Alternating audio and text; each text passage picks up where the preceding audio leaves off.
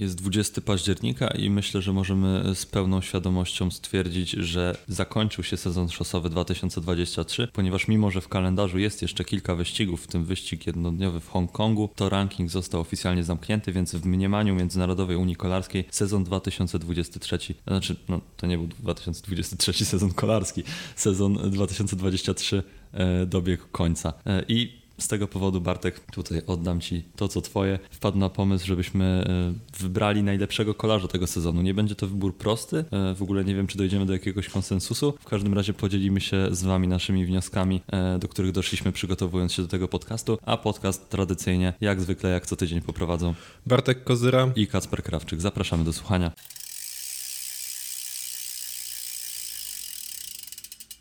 Nie zliczę, ile razy w życiu słyszałem powiedzenie, że kolarstwo jest trudnym sportem.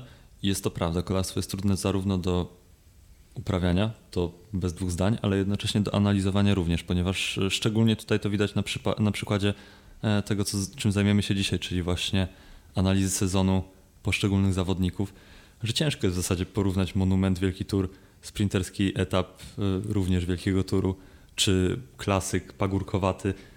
No, gama jest bardzo szeroka, kolarze są różni i najbardziej myślę wszystko nam psuje Tadej Pogaczar, który stara się jakoś łączyć te wszystkie, no może nie wszystkie, ale wiele specjalizacji, przez co nam się troszeczkę miesza i jest naprawdę ciężko wskazać e, najlepszego kolarza sezonu, przynajmniej moim zdaniem.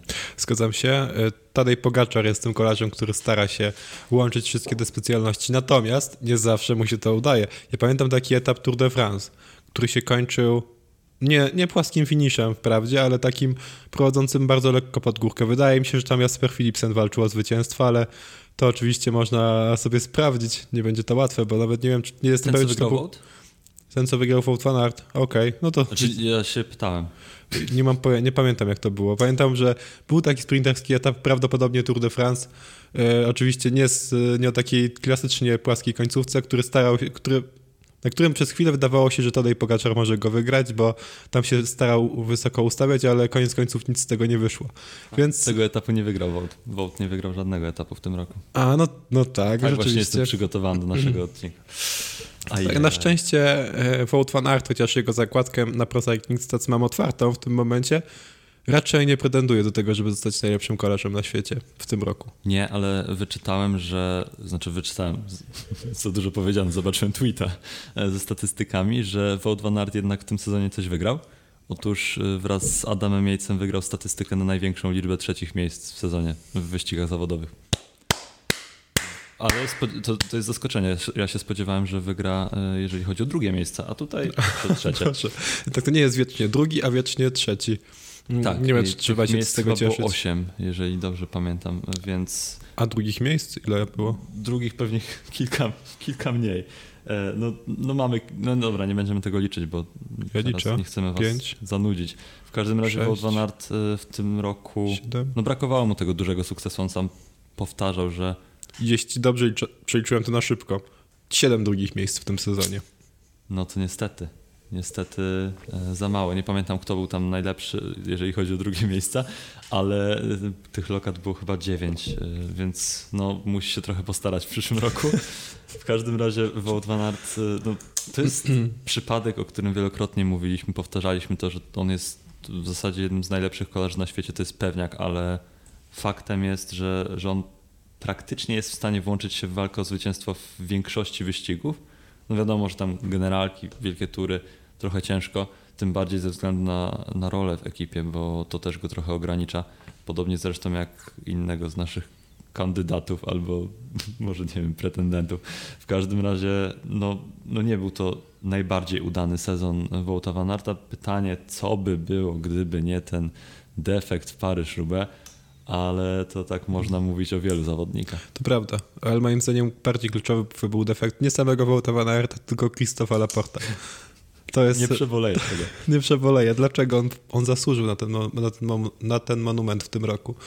E, no ale przynajmniej potem to sobie odbił, wygrywając Mistrzostwo Europy. Ale to nie wystarczy, żeby być w ogóle uwzględnionym w tym naszym e, rankingu najlepszych kolarzy tego sezonu. No ja niestety nie mam otwartego Krzysztofa Laporta, chociaż bardzo go cenię jako ja kolarza też. i jego progres, który poczynił no, w sumie od dwóch lat, i odkąd jest kolarzem zespołu Jumbo Visma.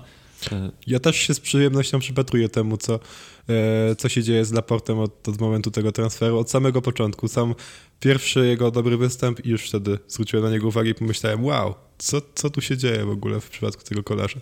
E, no ale kontynuując, e, skoro nie Wout van Aert, to kto?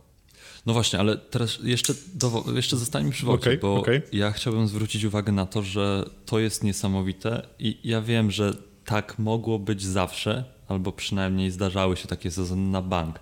W każdym razie ta grupa kolarzy, która wygrywa te największe wyścigi, w zasadzie cały czas się powtarza. To jest jeden zbiór i co jakiś czas wskoczy tam jakiś Dylan Van Barle czy, czy ktokolwiek inny. E, Tutaj podaję przykład z e, Paryż-Roubaix z ubiegłego roku. W każdym razie to jest e, Tadej Pogaczar. Mówię o wyścigach jednodniowych teraz e, przy Wołcie Vanacie. Nie no, kurczę, Mathieu ale... Remco Evenepoel i wokół tych trzech kolarzy to się wszystko kręci. No tak, ale właśnie nie wiem, po co zawęziłeś to wszystko do klasyków, bo w wielkich Ale turach... nie, nie, nie, to przy Wołcie. Okej, dobrze. I Dobrze. mamy tutaj po drugiej stronie Wołta Van Aerta, człowieka, Mhm. który w tym sezonie zdobył medale Mistrzostw Europy, Mistrzostw Świata, srebrne, więc no, było blisko wygrania. Był czwarty w Ronde van Vlaanderen, trzeci w Paryż-Roubaix, drugi w Gandalf Wefelgem i wygrał E3, trzeci w Mediana Sanremo. I, I my o nim mówimy, o, o takim kolarzu mówimy, że nie, nie, no, nie ma opcji, że to, to jest kolarz na miarę najlepszego zawodnika sezonu. Więc moim zdaniem poziom jest w tym momencie niesamowicie wysoki, że nie ma zróżnicowanego wachlarza dziesięciu kolarzy, którzy się liczą w walce o triumfy w największych wyścigach jednodniowych w tym, w tym przypadku, tylko to jest ta sama grupka kolarzy i nawet jak ten Wout przyjeżdża tam trzeci, czwarty, drugi, to i tak są lepsi. Są tacy, którzy w przeciwieństwie do niego i nie boję się tu użyć mocnych słów, potrafią wygrywać. No tak, takim kolarzem, który wygrywa, który potrafi wygrywać e, jak nikt inny jest e, Mathieu Van Der Poel.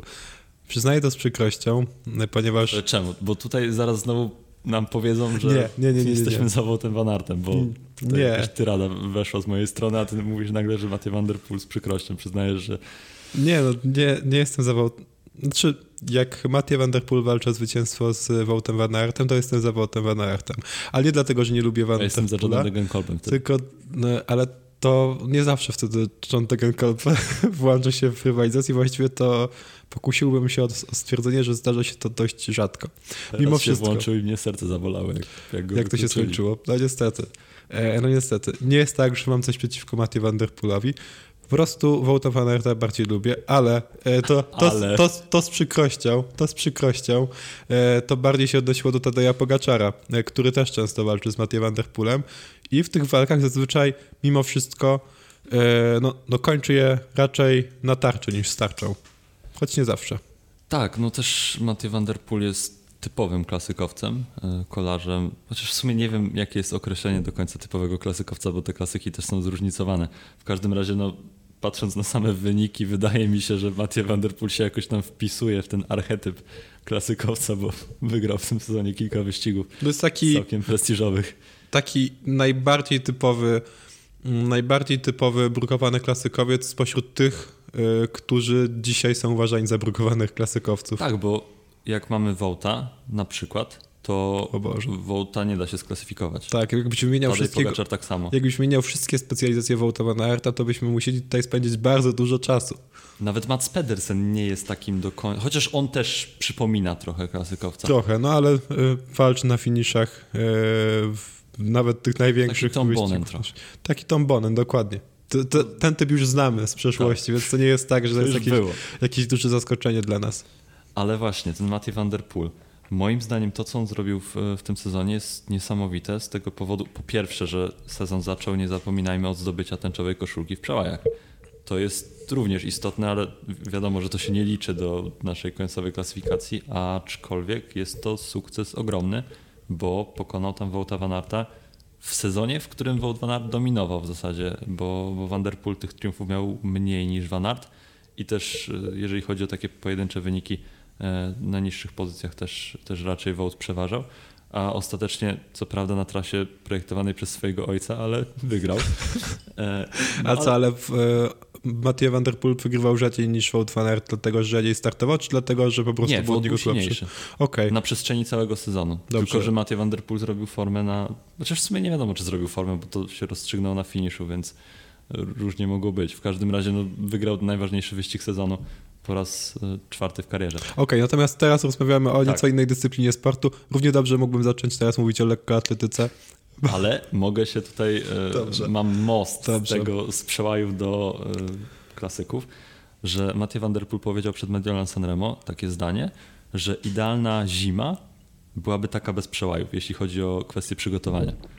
No i on tak troszeczkę tonował nastroje społeczeństwa, że no wiecie, ja miałem trudną zimę, to, to nie będzie takie proste.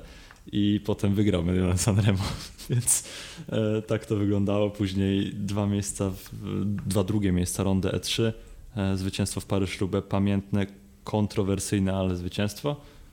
No i potem mm, długa przerwa, Balua Belgium Tour wygrana, no ale umówmy się, kolarz, e, który walczy o miano najlepszego zawodnika sezonu, musi wygrać wyścig Balua Belgium Tour albo coś w tym rodzaju, jeżeli tam startuje. Potem średnio udany Tour de France pod kątem wynikowym, ale wiemy jaka była jego rola w, na wielu etapach. No tak. Rozprowadzał, no, pomagał najlepszemu sprinterowi świata. I to robił to w taki sposób naprawdę bardzo dobry. W sensie, no nie można mu przyznać tych wszystkich zwycięstw Jaspera Philipsena. To nie jest tak, że to jest głównie jego zasługa, no nie, ale, ale, tak. ale w dużej, w bardzo dużej mierze tak. W sensie, no pokazał, to, nie jest, że... to nie jest tak, że każdy sprinter, mając takie rozprowadzenie, jak, jak e, zapewnił e, Philipsenowi Mathieu van der Poel, wygrałby etap, no bo na przykład widzieliśmy na Giro d'Italia 2020 1 czy 22, że e, na przykład Jakub Mareczko nie dał rady, mimo takiego samego rozprowadzenia mimo, mniej więcej. Mimo, że go w kołysce dowieźli na, tak. na metę. No ale trudno, tak, tak czasem jest. W każdym razie no, cały czas była ta rozmowa, że kto jest najlepszym rozprowadzającym na świecie. Czy może Dany Van Poppel ze słabym samym, samym Benetem na kole, czy może Morkow, a może Kasper Pedersen, który też aspiruje do tego miana. I potem przyszedł Mathieu van der Poel i powiedział, że w zasadzie to ta dyskusja jest jałowa i nie ma żadnego sensu, bo to on jest najlepszym rozprowadzającym świata. I właściwie to tak samo jest e, z klasykami. Mo momentami. W sensie zastanawiamy się, kto jest najlepszym klasykowcem na świecie. Czy, e, czy Wout van Aert, czy Mathieu van der Poel, czy Stefan King, czy nie wiem, kogo jeszcze nie wymieniłem, a kogo należałoby wymienić. A tutaj pojawia się Tadej Pogaczar, czyli dwukrotny zwycięzca Tour de France i pokazuje, nie no, panowie, no chyba ja. znaczy, może no, nie, nie, wiem, ja się nie zgodzę. Niekoniecznie, no nie, w tym sezonie niekoniecznie. E, w tym sezonie, jakbyśmy porównywali wyniki klasyko, e, e, klasykowców, to Mathieu van der Poel byłby chyba minimalnie, bo minimalnie. Nie, moim zdaniem dużo. W sensie też zależy, jak definiujemy klasyk. Okej. Okay. Mamy kampanię ardeńską no ja myślę o wszystkich klasykach. Wszystkie wyścigi jednodniowe, przynajmniej te, te w typie monumentów. W sensie... I właśnie, i tu dochodzimy do punktu spornego, bo czy można winić Mathieu van der Poola, że nie startuje i nie walczy w wyścigach, w których, których nie miałby prawa wygrać? Nie no, nie no ale dlaczego? Znaczy, nie, nie można go winić za to, że... nie wystartował, to jest fakt, a Amstel wygrał i to jest wyścig nie pod no, niego. Ale nie można winić kolarzy za to, że nie potrafi sobie radzić w jakimś terenie, ale jak, jak mówimy, zastanawiamy się nad tym, kto jest najlepszym klasykowcem, to wszechstronność pomaga, a nie przeszkadza. I jeśli Tadej Pogaczar potrafi sobie radzić w każdym, w, w klasycznym wyścigu każdego rodzaju, to to musi mu dać... jeszcze nie pokazał.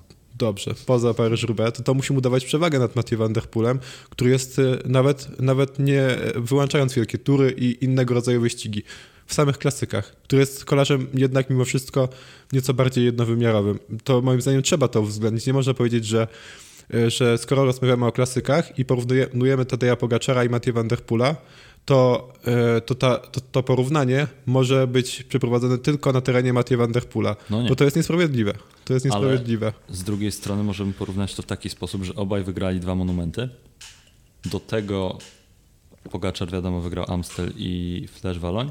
Natomiast e, Van der Poel wygrał e, chociażby no, no nie, dobra, nie wygrał, ale był drugi w rondę i trzeci w E3. Ale wygrał Mistrzostwo Świata. Ale wygrał Mistrzostwo Świata, zdobył złoty medal w Mistrzostwach Świata i to, to również był teren Tadeja Pogaczara, który troszeczkę był, wyszedł zmaltretowany e, z tej rundy w Glasgow, ale z brązowym medalem. No i To, jest- to jest pytanie, czy, czy wyżej cenimy te zwycięstwa Tadeja Pogaczara plus do tego jeszcze triumfy w Amstel i Flèche Wallonne, czy może jednak Van der Poel za Mistrzostwo Świata?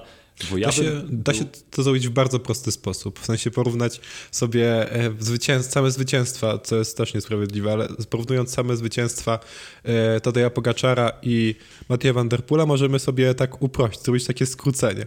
Usuwamy te dwa monumenty z konta obu panów, e, usuwamy te, ten jeden mało znaczący klasyk, czyli u Pogaczara HN Interior i Super 8 Classic, Nie no, e, Primus, się. Primus Classic. nie, nie, nie wliczamy tych klasyków. No tak, no usu usuwamy, upraszczamy to wszystko i zostają nam tak. U Pogaczara Mistrzostwo Słowenii i e, te dwa pierwsze ardeńskie klasyki, bo trzeciego niestety, nie, niestety e, z trzecim przydarzyła się katastrofa. E, nie z winy Pogaczara najpewniej, e, bo nie widziałem tego upadku. Ale myślę, że to raczej nie jest tak, że to on sam się wywrócił, bo akurat miał taki kaprys. E, I po stronie Vanderpoola mamy Mistrzostwo Świata. Możemy się zastanowić, co cenimy wyżej. Ja myślę, że mimo wszystko, minimalnie, e, bardziej chyba musimy cenić Mistrzostwo Świata, ale No ja też się zgadzam i moim zdaniem, jeżeli wybierzemy, może wybierzemy najlepszego klasykowca tego no nie lata, ani nie wiosny, tylko tego sezonu, to Mathieu van der Poel będzie właśnie tym kolarzem, ponieważ no moim zdaniem mimo tego, że Pogaczar tych pojedynczych triumfów ma więcej, to van der Poel w zasadzie, chociaż Pogaczar też, ale wtedy, kiedy van der Poel nie wygrywał, to był moim zdaniem trochę bliżej zwycięstwa, a dodatkowo no to Mistrzostwo Świata wygrane we wspaniałym stylu.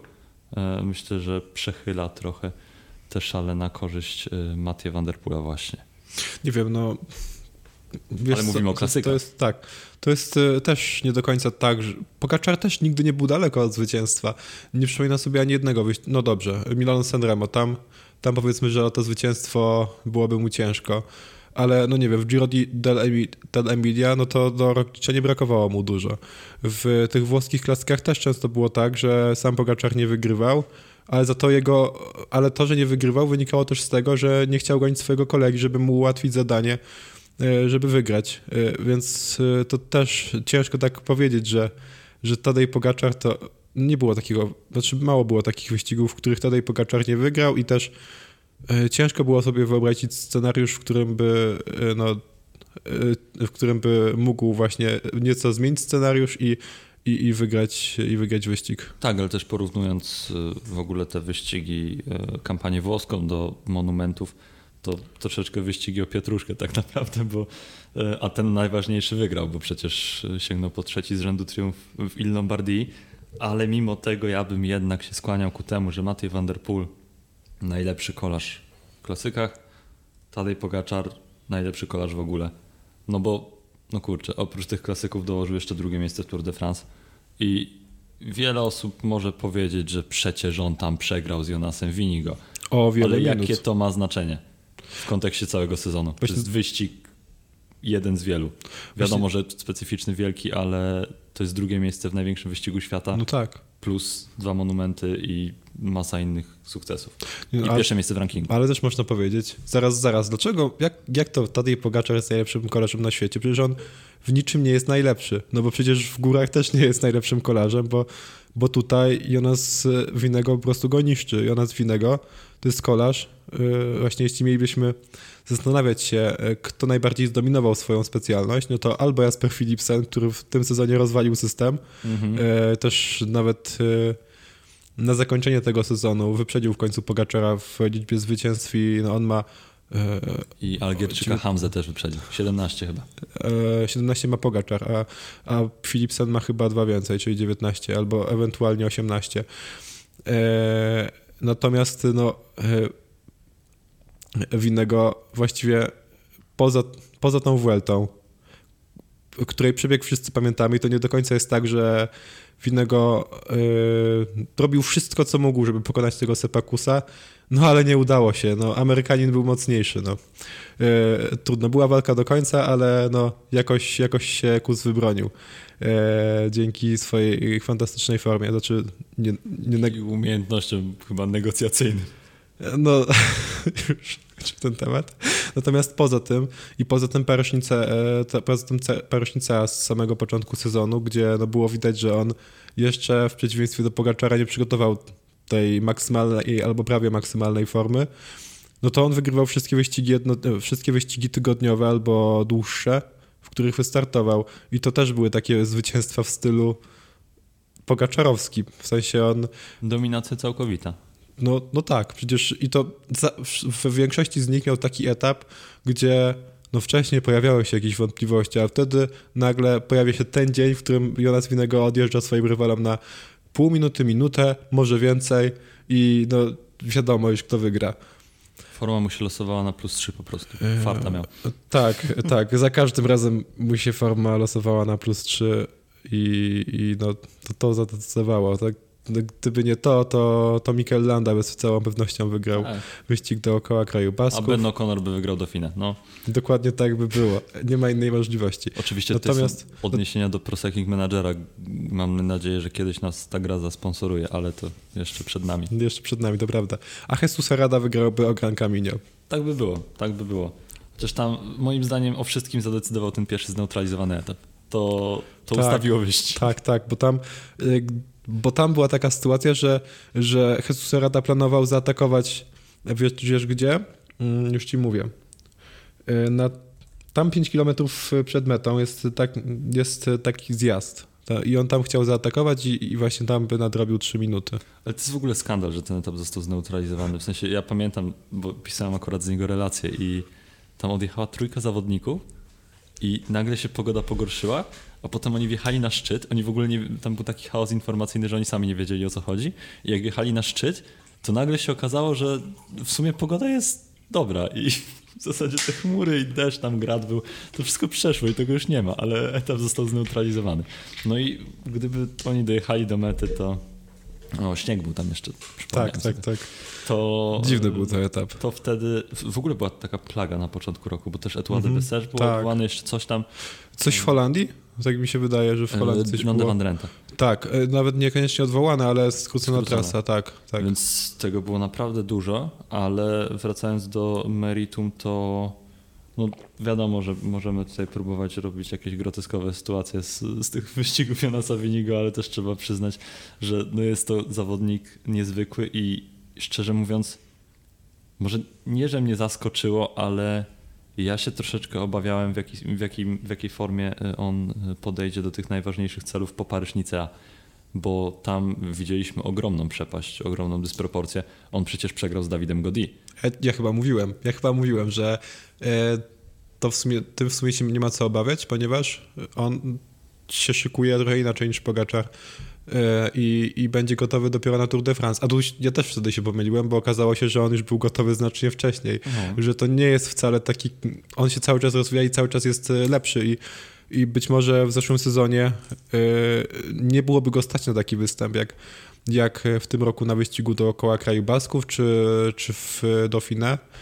A w tym roku się, okazało się, że się udało. No i właśnie, może on jest najlepszym kolarzem na świecie, bo, bo przecież on w tym roku jego najgorsze miejsce w jakimkolwiek wyścigu to trzecie. To trzecie w, e, w Parośnica.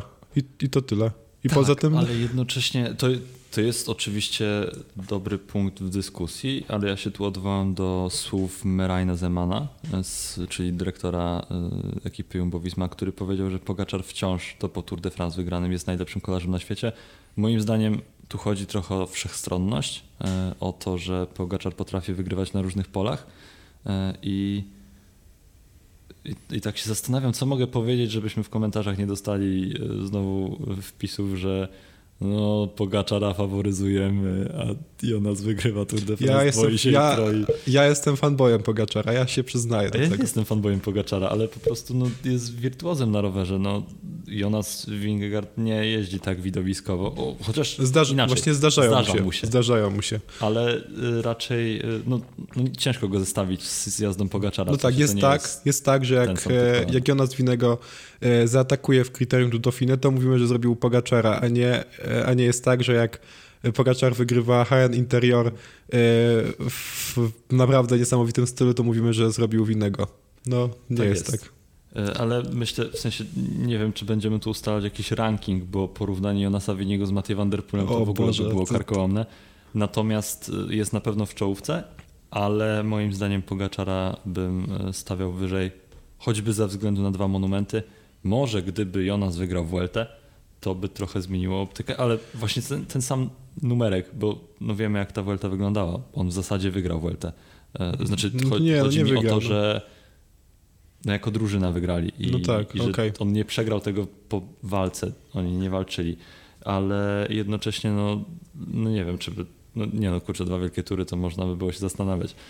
Natomiast jest jak jest, Pogaczar ma dwa monumenty i wielki tur plus masę innych wyścigów. E, Czekaj, jaki wielki tur wygrał nie ma, plus drugie miejsce w wielkim turze, przepraszam. Okej. A I mnóstwo innych dobrych wyników w Tak. klasykach i w wyścigach tygodniowych. Więc ja tutaj y, oczywiście mam nadzieję, że nie skończymy tej dyskusji, bo jeszcze jest kilku kolarzy, których ja mam otwartych, żeby tutaj o nich wspomnieć, ale tak już troszeczkę zaspoileruję, że dla mnie Tadej Pogaczar zwycięstwo. Nie, nie był w stanie pokonać Wingegaarda na trasie Tour de France, to pokonał go teraz. No tak, e, bo ży, życie nie znosi próżni i musi, e, musimy mieć jakiś, jak, jakiś pole, na którym Pogaczar zdoła pokonać Jonasa Winnego, E, bo niestety właśnie tych szans miał niewiele, ponieważ też Jonas Winnego wybierał mm, też takie wyścigi nieco inne niż Tadej Pogaczar. On, on, tylko, on tylko siedział w tej, tej swojej, w tej swojej etapowej bańce i, i nie próbował się, sprawdzić na, e, na żadnym innym wyścigu. Tylko, etap, Jonas, tylko jak jesteś etapówki. taki dobry, to weź pojeść klasyk. Nie no, ale to jest, to jest w sumie niesamowite, bo rzadko się zdarza e, i to nie tylko w tym dzisiejszym świecie, w którym coraz, e, w którym te specjalizacje są coraz, e, coraz szersze. Właśnie ten trend, który się kiedyś, e, kiedyś jeszcze niedawno było tak, że, że ci kolarze byli coraz większymi specjalistami w swojej dziedzinie, natomiast teraz to się tak rozszerza i jest coraz mniej kolarzy, którzy się specjalizują w jednej wąskiej e, dziedzinie. To jest taka sinusoida Tak, moim zdaniem, tak. że to po prostu tak etapowo idzie i teraz mamy tę no, wszechstronną erę. Tak. I to jest niesamowite. On nie przejechał żadnego klasyka, żadnego. Nawet, nawet jakiegoś takiego malutkiego, mało znaczącego. Jakiegoś jest- Trevali Varezinę To na jest przykład. podejście Jumbowizma, bo Primoz Roglic do Vuelty, do zakończenia Vuelty też w klasyku żadnym nie wystartował. Dopiero później, jak już te wszystkie cele były odhaczone, e, no właśnie miałem tutaj dodać, że tak w lepszy lub gorszy sposób, ale w zasadzie to znakomity, bo Roglic wygrał wszystkie wyścigi etapowe, w których startował poza Vueltą, w której przegrał tylko ze swoimi kolegami z drużyny po tym, jak zakazano im walczyć na ostatnich etapach. Więc y, to jest, to byłby, mógłby być kolejny faworyt do y, miana najlepszego kolarza sezonu, ale trochę go zatkało w Lombardii. Do tego ta Vuelta też trzecie miejsce. No tak go zatkało, że zajął trzecie miejsce. tak, w porównaniu oczywiście do zwycięzcy, bo to, to ogólnie była, e, no, no, to był fenomenalny sezon e, Primoża Roglicza też. Najgorsze miejsce? Czwarte. Tak, w Trevali Varezinę. Tak. Strasznie sobie to był występ Primoza Roglicza, naprawdę. No, przypomnijmy, że ta Vuelta, gdzie on zajął trzecią pozycję, to był pierwszy wyścig, którego on nie wygrał w tym sezonie. No tak, bo a wcześniej nie jeździł Mhm. wyścigów dookoła Komina, tylko Tirreno Adriatico, Vuelta Ciclista Catalunya, I to też... Giro d'Italia. I za każdym razem, chyba, jeśli się nie mylę, za każdym razem rywalizował z naprawdę wielkimi kolarzami, bo przecież pamięt... E, No przed ciężko, chwilą... żeby w tych wyścigach nie, Nie no, przy, przed chwilą chwalili, jak chwaliłem e, Jonasa Winego za niesamowitą postawę, ale no on tam w wyścigu do kra koła kraju Basków wygrał z Mikelem Landą, który no wiadomo jest, jest świetnym kolarzem, no ale to nie jest to nie jest ta pierwszoplanowa postać tego sezonu, a Roglic e, w Tirreno Adriatico i w Vol- Volta Ciclista Catalunya pokonywał Remka Evenepoela. E, No w Giro d'Italia ten jego rywal w teorii był słabszy niż, niż Remco Evenepoel, ale to też nie do końca tak jest, e, bo pokonał Geraint'a Thomasa. No nazwisko jest jakby mniej głośne obecnie, no ale przecież no to, to jest, e, Geraint Thomas jest wielkim kolarzem i chyba nie będziemy się o to kłócić. No oczywiście, że nie. I nie można go nigdy skreślać. Tak No jak to to prawda. Cavendisha. E, No tylko to Vuelta Burgos, no tam pokonał tylko Aleksandra Własowa. Aj. No, No, ale wygrał zdecydowanie tamten wyścig. no tak, więc, dokładnie. y, Dobrze, że przypomniałeś o kolarzu, który się nazywa Remco Evenepoel, bo ja zobaczyłem na ranking Pro Cycling Stats, który jest trochę lepszy od rankingu UCI mimo wszystko. I tam pozycja skoczyła o jedno oczko w górę. Jest Remco trzeci, Evenepoel- drugi, trzeci. Jest drugi. Rok temu był trzeci, okej. ale moim zdaniem tego sezonu sprzed roku on nie pobije szybko. I tamten sezon był fenomenalny, gdy wygrał Lierz-Baston-Lierz, tak jak w tym roku, ale do tego dołożył Mistrzostwo Świata ze startu wspólnego i WLT, bo ja- wiem, że może się tak nie powinno robić, ale ja cenię trochę bardziej jednak koszulkę zdobytą ze startu wspólnego niż wjeździe na czas. E, Jest to dość absurdalne, no ja też. Ja też. No, jest to dość absurdalne dlatego, To nie że- jest tak, że lista startowa jest gorsza w czasówkach, albo że jest łatwiej wygrać czasówkę. No właściwie to y, czasówka jest dużo Ciężej. bardziej wy- wymierna. Nie, Tak, nie wiem, jest czy jest ciężej, jest wymierna dużo bardziej wymierna. W sensie- przede wszystkim. Dużo, no taką konkretną e, specjali- specjalizację musisz mieć i, i być e, kon- konkretnym kolarzem, żeby w czasówkach móc rywalizować w ogóle. To nie jest dla każdego. No tutaj wynik nie zależy od scenariusza.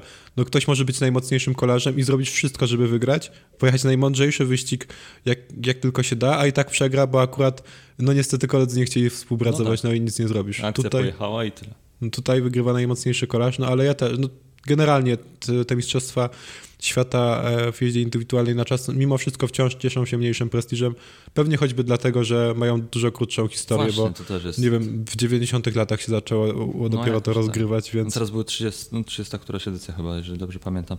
W każdym razie też Remco Evenepoel miał dużo więcej takich momentów słabości. no w tak. porównaniu do tej całej reszty, bo e, no mamy Lombardię. Wiadomo, że on e, do tej Lombardii podszedł tak w sumie z niczego i bez żadnego przygotowania startowego wcześniej, ale ta Vuelta pamiętna, gdzie co prawda walczył etapy, walczył dzielnie, wygrał klasyfikację górską, Tak, on tam zaimponował jako człowiek, tak, ale miał jako... tam wygrać klasyfikację generalną, to był cel. Tak, no jako kolarz no, zawiódł. No. Nie, nie będziemy y, się tutaj czarować, że on tam zawiódł i nawet jakby wygrał sześć etapów po ucieczkach, to i, tak nie zmieniłoby to tego, że, y, że zawiódł, bo, bo on tam nie przyjechał po zwycięstwo etapowe, tylko po to, żeby powalczyć o zwycięstwa, to, to już uciekło właściwie na, na, no, przy, w pierwszym momencie próby, więc... No tak, to nie był udany, chociaż no, no nie, nie był udany wyścig, bo nie osiągnął celu, po który przyjechał e, do Hiszpanii. Do tego te Mistrzostwa Świata też e, pechowo, znaczy pechowo, no, no przegrał ze startu wspólnego w ogóle bez walki.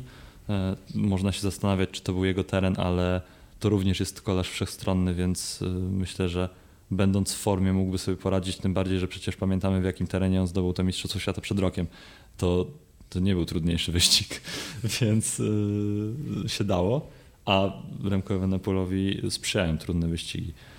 No i wi wiadomo, że te triumfy w San Sebastian czy Lierz-Bastogne-Lierz, yy, trochę to Giro, no szkoda, ale że, że się wycofał z powodu koronawirusa też trzeba przypomnieć, bo tak mówię trochę skrótami myślowymi, jakby wszyscy wiedzieli, jak dokładnie ten sezon przebiegał. No ale nie będziemy tutaj snuli teorii, co by było, gdyby tylko opieramy się na faktach, a fakty są takie, że Remco Evenepoel był jednak gorszym kolarzem od tej całej reszty, którą wspomnieliśmy. No tak, no był. Ja, e, ja się natknąłem na taki artykuł e, na Cyclisme Actu. Przeczytałem go po francus, e, we francuskiej wersji Miał językowej. akapit czy Nie dwa? musiałem, nie no, miał e, bardzo dużo, bardzo dużo akapitów, no bo tam porównywali występy trzech kolarzy mogących pretendować do miana naj, najlepszego, kola, najlepszego kolarza na świecie. Tylko, że no, to był taki dziwny artykuł. W sensie Taki oni tam... Bo oni najczęściej oni tam- przeklejają wypowiedzi z innych portali. W tym znasz się.pl. E, a, zdarzyło się e, raz czy dwa. E, no ale wracając, tam e, wymieniali tych trzech kolarzy i zgadnij, co to byli kolarze. No jakbym miał zgadywać, to Van Der Poel, Pogaczar i Aert.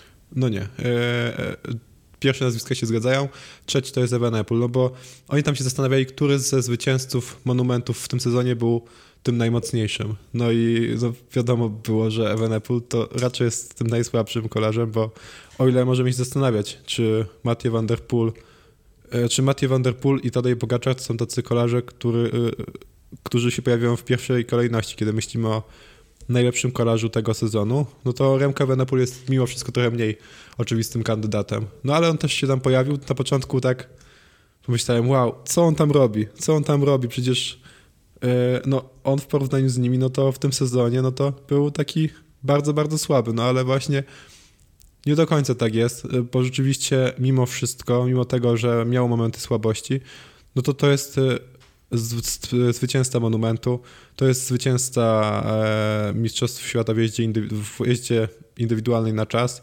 No i mimo wszystko, mimo tego, że ta Vuelta była nieudana, no to wygrał tam dwa etapy. I wygrał też kilka innych wyścigów. To jest, y, to jest gorszy sezon niż Nawet w zeszłym roku. W zeszłym roku przeszedł do historii jako jeden z trzech czy czterech kolarzy. K- No, chyba tak, chyba jako czwarty kolarz wygrał Wielki Tour, Monument i Mistrzostwo Świata. W tym roku do, do skompletowania tego hat-tricka zabrakło mu tylko jednego sukcesu, a dołożył kilka innych, więc no, to był udany sezon, ale Remco Evenepoel z pewnością nie jest najlepszym kolarzem tego sezonu i myślę, że się, że się zgodzimy z Tak, tym. też ta pozycja w rankingu, o której mówiłem, e, jest e, w dużej mierze spowodowana tym, że on miał aż 67 dni startowych, co jak na kolarza tego kalibru jest naprawdę sporym wynikiem, bo spośród tej całej e, gromady kolarzy, o której wspomnieliśmy, tylko zawodnicy Jumbo Visma, czyli Jonas Winigo i Primoz Roglic, mieli zbliżoną liczbę dni, a to za sprawą tego, że starto- startowali w dwóch wielkich turach. A, a tak to Tadej Pogaczar miał w ogóle 49, a Matej Van Der Poel łączący 50 dyscyplin kolarskich 46. E, więc Właśnie to jest, jest też bardzo ciekawe, że mm, jak, i pa- Wout jak 55. Zastan- patrzysz sobie na tych wszystkich najlepszych kolarzy z tego sezonu i na to, co oni wygrywali, gdzie oni walczyli, to myślisz, Tadej Pogaczar był przecież wszędzie. No a na końcu okazuje się, że ma mniej startów niż Jonas Winego i, i Remco Evenepoel, który, którzy się pojawiali e, jakby w tych naszych myślach troszkę rzadziej mimo wszystko i nie mamy takiego poczucia, że oni byli wszędzie. No tak, I, i- ale Tadej Pogaczar jakoś wyraźnie zaznaczał swoją obecność wszędzie, chociaż I tak jak też- mówiliśmy wcześ- wcześniej, Winigo tak samo. To, Przecież nie no, myślę, że to wynika bardziej z tego, że jeśli ktoś się pojawia w jednym tygodniowym wyścigu, to e, zaznacza się w naszej świadomości trochę mniej niż jakby się pojawił w trzech, wyścig, trzech wyścigach jednodniowych, ponieważ e, wyścigi jednodniowe mają to do siebie, że kolarzy, którzy są tam widoczni, są jakoś tak, tak łatwiej dostrzegalni niż, niż na na przykład płaskich etapach e, wyścigu, tygo, wyścigu tygodniowego. moim zdaniem jakby się dało pojechać Tireno i Paryżnica jednocześnie, to Tadej Pogaczar by wygrał jeden i drugi. E, tak, to prawda. Może się da. To Chyba, Nica, Nica nie jest aż tak daleko od Włoch. Chyba, żeby przegrał z Terminatorem Primożem Roglicem, który e, jako celebrację wyłącza Garmina, bo to też jest ciekawe, to też warto wspomnieć, że Primoż Roglic był w tym roku tak sfokusowany na tych głównych celach, że on w zasadzie nie celebrował tych zwycięstw, które odnosił. Dopiero w Giro d'Italia e, bardzo się cieszył. Też to zwycięstwo przyszło na w zasadzie kluczowym, ostatnim etapie, no, przedostatnim, ale ostatnim liczącym się. E, niestety była to czasówka, y, w sensie cieszenia się, no troszeczkę inaczej to wygląda, jak jedzie się na całkowitym No tak.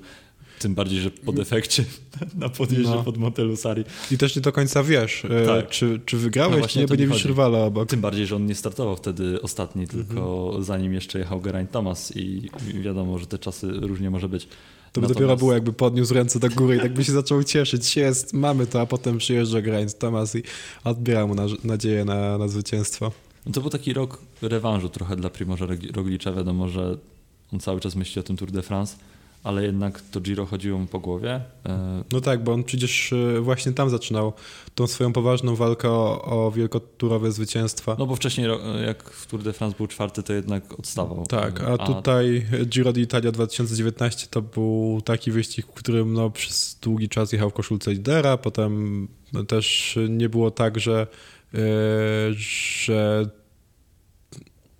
że szybko stracił tą szansę na końcowe zwycięstwo. No, bardzo, bardzo długo walczył o to, żeby, żeby wygrać, a się nie udało. Tak, no i nie dość, że to jest właśnie rewanż za tamtą edycję, to dodatkowo y, jest to po części, chociaż nie, nie sądzę, że on w ogóle tak to odbiera, to raczej takie rozmowy jak nasza, że, że troszeczkę jest to rewanż za ten Tour de France, że tym razem to on był w pozycji e, człowieka odbierającego ż- nie żółtą, tylko tym przypadku różową koszulkę Na na czasówce przedostatnim górskiej. etapie na czasówce górskiej. Więc e, no, taki miły akcent dla niego oczywiście, bo moim zdaniem to też była historia niesamowita, jakby Geraint Thomas wygrał wielki tour w tym roku. E, I, no ale, ale nie wygrał. W każdym razie no, to też jest wielki mistrz i, i ciekawe, czy w przyszłym sezonie będzie w stanie gdziekolwiek będzie jeździł, bo jeszcze nie ma kontraktu, ale można się spodziewać, że zostanie tam, gdzie był. czyli Znaczy w oficjalnie nie ma kontraktu, bo nie wiemy, czy, Tak. czy nie Ale tam został... też były długie rozmowy, on sam mówił, to, to mogę powiedzieć, że w rozmowie z Geraintem Tomasem na Tour of the Alps usłyszałem, że e, no, on będzie się zastanawiał dopiero po Giro, co z karierą, ale mówił też w podcaście wielokrotnie, że chce kontynuować karierę i może jeszcze rok, dwa e, będziemy go oglądać. Ale bo troszeczkę już e, zmierzamy chyba ku końcowi. No tak. Natomiast ja bym się pochylił jeszcze nad zawodnikiem, którego nie wspomnieliśmy jako jedynego, no nie, dobra, dwóch, nad dwoma zawodnikami, czyli Mats Pedersen i Jasper Philipsen. O Jasperze Philipsenie tak, wspomniałem. Ale tak, nie, nie skupiliśmy się bezpośrednio no tak, na nim. No tak. A wydaje mi się, że warto, ponieważ Mats Pedersen e, mógłby wywalczyć tytuł Best of the Rest e, albo najlepszy z ludzi, chociaż Aert sobie to sam przypisał. Samozwańczo to wypowiedział w jednym z, z wywiadów, ale tu można kwestionować, no jak, czy... Czy jest człowiekiem. Kwestionować człowieczeństwo Aerta możemy. Tak. Nie no, w tym roku i był człowiekiem, bo nie, nie wygrał wielu e, ważnych wyścigów. Nie wiem, czekaj, jedyn, czy jedynym zwycięstwem Wouta van Aerta w klasyku World Tourowym było to E3? Tak, bo oprócz tego Grand Piemonte tylko. No kiepsko, kiepsko. Tylko. Nie no, e, Grand Piemonte i, i czy nie wygrał jeszcze Bernocchi? Mm, a, przepraszam, Bernocchi Grand Piemonte nie wygrał. Okej. Okay. No, tamte wyścigi mi się troszeczkę pomieszały, tym bardziej, że no, ja wtedy miałem taki zjazd, jeżeli chodzi o kolarstwo i bardziej się ekscytowałem wyścigami w Chinach niż tym, co się działo we Włoszech.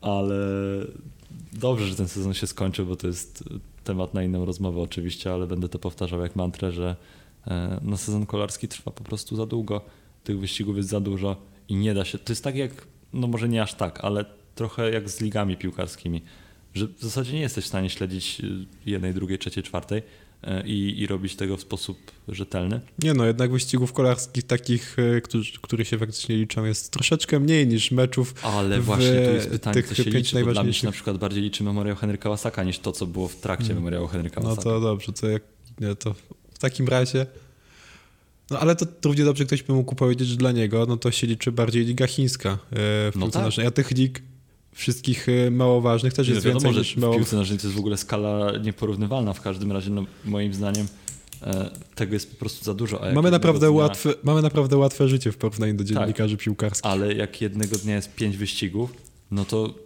nie jesteś w stanie fizycznie tego oglądnąć, a jak obejrzeć sobie pięć wyścigów. Ja kiedyś tak robiłem e, raz, chyba mi się zdarzyło opisać pięć relacji, sprawozdań z wyścigów na raz.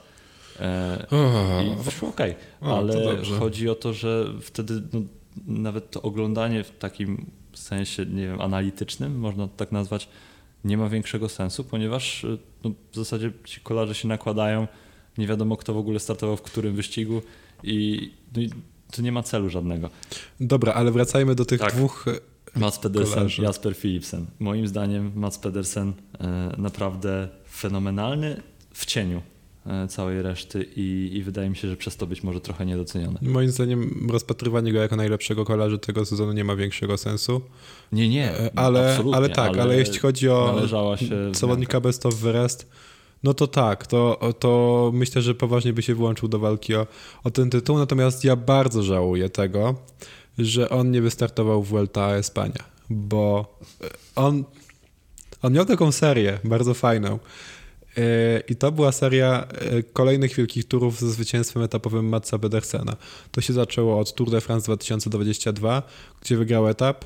E, później była Vuelta, tam też wygrał o, nawet raz, dwa, trzy, trzy etapy, jeśli dobrze widzę.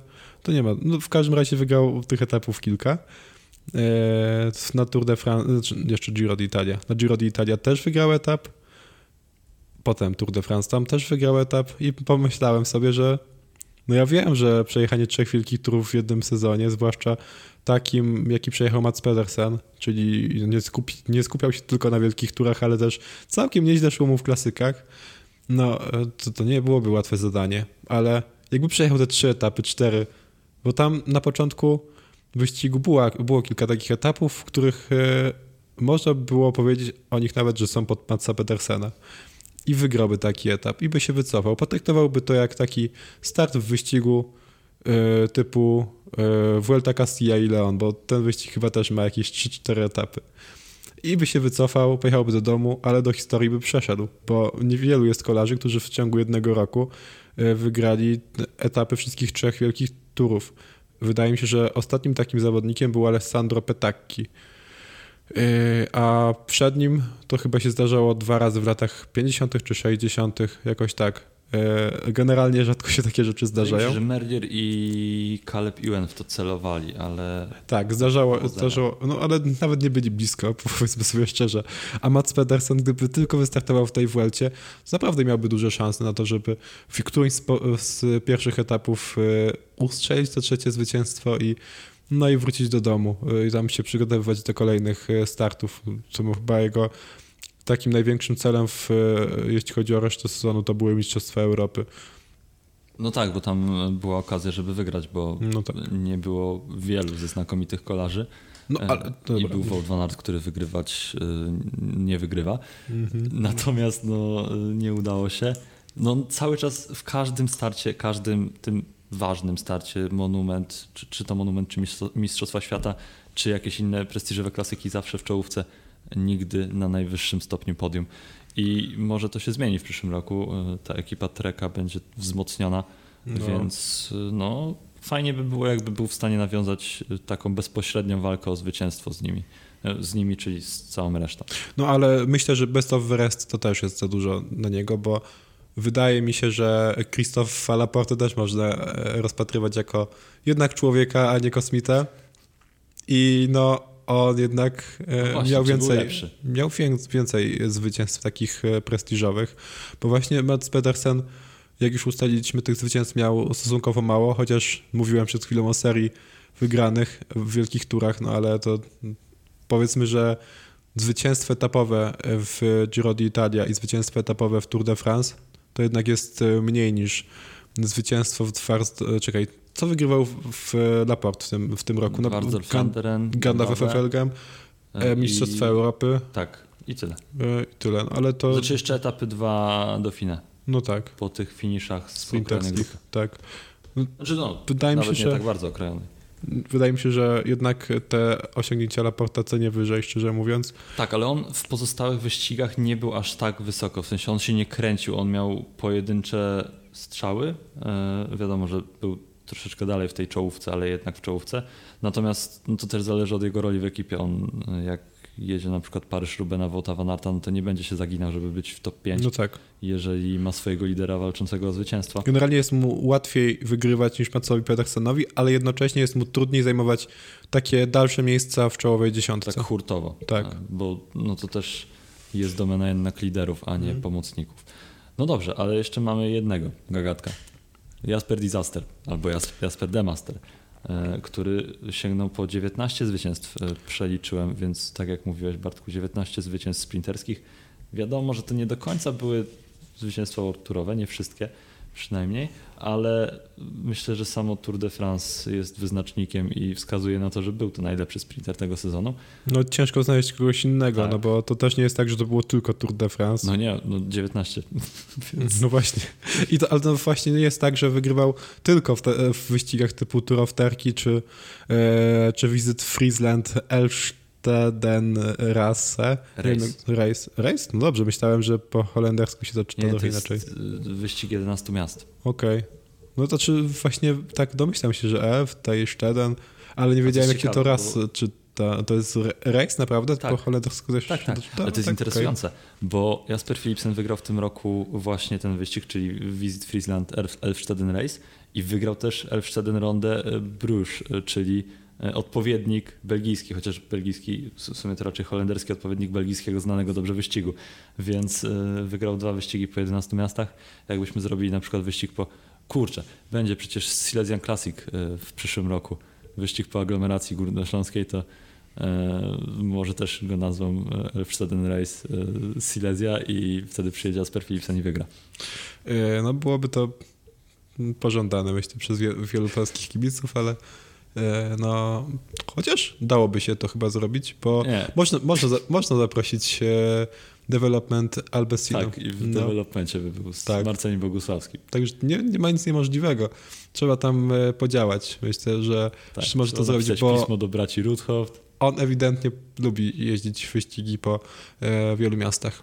O, napiszemy do Nico Dikas, e, Tak. który teraz jest rzecznikiem prasowym. No wszystko będzie, wszystko dogadamy. Jasper Philipsen e, będzie w, w Polsce na Silesian Classic w takim razie, e, w barwach Alpecin Development. wszystko dogadane. Natomiast tak e, na poważnie to ja sobie sprawdziłem naszą wyrocznię, czyli ranking PCS, którym się nie, nie zawsze, w sumie rzadko kiedy się nim posługuję, ale teraz myślę, że to jest interesujące, że od czasów Eli Vivianiego, tego prime Eli Vivianiego 2018-2019, Jasper Philipsen jest pierwszym sprinterem, który był w czołowej piątce sklasyfikowany, E, a dodatkowo przebił e, liczbę 18 zwycięstw Eli Vivianiego, e, która przez ostatnie lata pozostawała no, w zasadzie nie do pobicia. A tutaj proszę. A ile to było? E, 18 zwycięstw miał Elia Viviani. O, to Tadej Pogaczar był całkiem blisko. Tak, To też y, warto przypomnieć, że to 18 zwycięstw jest naprawdę dużo, E, a Tadej Pogaczar nie jest sprinterem i nie startuje praktycznie w wyścigach, które mają znaczenie takie, takie jak Visit Friesland Elfsteden Race, czyli no niby nie można powiedzieć, że to są ogórki, ale e, no jednak nie są to, to też jednocześnie wyścigi typu nawet Gandalf Wevelgem. Jeśli chodzi o Tadeja Pogaczara, to, to też y, warto tutaj wspomnieć, że on ten procent zwycięstw ma największy, jeżeli chodzi o dni startowe, bo jak on 47, 49 dni Aha. startowych y, w tym roku zaliczył i 17 wyścigów wygrał, O ja to nie mogę. daje to no, z 40, tak licząc na A oko. też ma sporo drugich miejsc. Bo ja tak miałem taki moment w tym sezonie, że tak się No może nie zastanawiałem. 40, trochę mniej. Przegrałem, ale między 30 a 40. tak się zastanawiałem, czy kurczę, ten Tadej Pogaczar to może być przez tą swoją wszechstronność wiecznie drugi. Znaczy, e, wiem, że to była e, spora doza prze- przesady, no ale tak. E, W brukowanych monumentach jest świetny, no ale tam lepszy jest Van der Poel. E, W wielkich turach jest świetny, no ale tam lepszy jest Jonas Winego.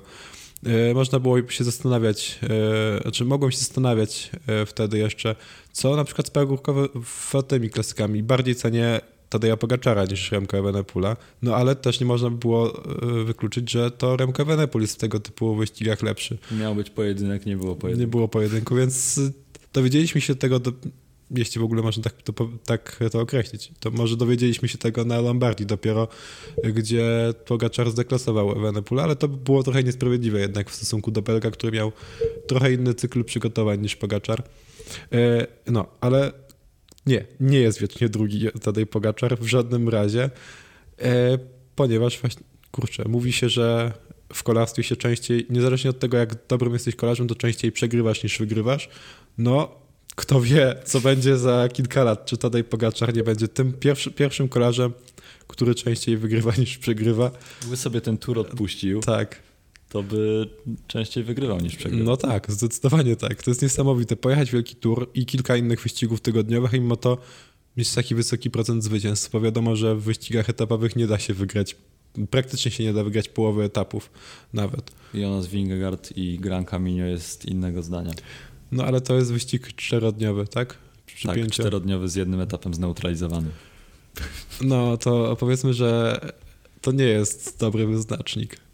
No tak, ale myślę, że na tym możemy postawić kropkę, ponieważ mamy już aż 50 minut, więc y, liczymy na to, że wytrwaliście z nami do końca tej dyskusji, która była interesująca. Znowu w niesprzyjających warunkach atmosferycznych, chociaż na szczęście nie nagrywamy tego na polu. I tak mówię z pełną świadomością na polu, nie na dworze, ponieważ jesteśmy w Małopolsce, więc narzucamy wam tutaj swoje zasady. Wydaje mi się, że więcej osób z Małopolski nas e, słucha niż z Warszawy, ale to są, por... ale to są porównywalne liczby. Więc to są lokalsi. tak, ale nie tylko. Znaczy to są porównywalne liczby, jak kiedyś sprawdzałem. Zaraz Marek Bala, nasz redaktor naczelny się na nas obrazi, bo on jest z Warszawy, więc przepraszamy, nie chcieliśmy. Cofam swoje słowa, to Tak, nie tak, ja tak. powiedziałem. Na, na zewnątrz, na zewnątrz. Tak, Bezpiecznie. Jak cię złapią za rękę, to może to nie twoja ręka. Dobrze. Więc ja wcale nie powiedziałem tego, co, co mogliście usłyszeć przed chwilą.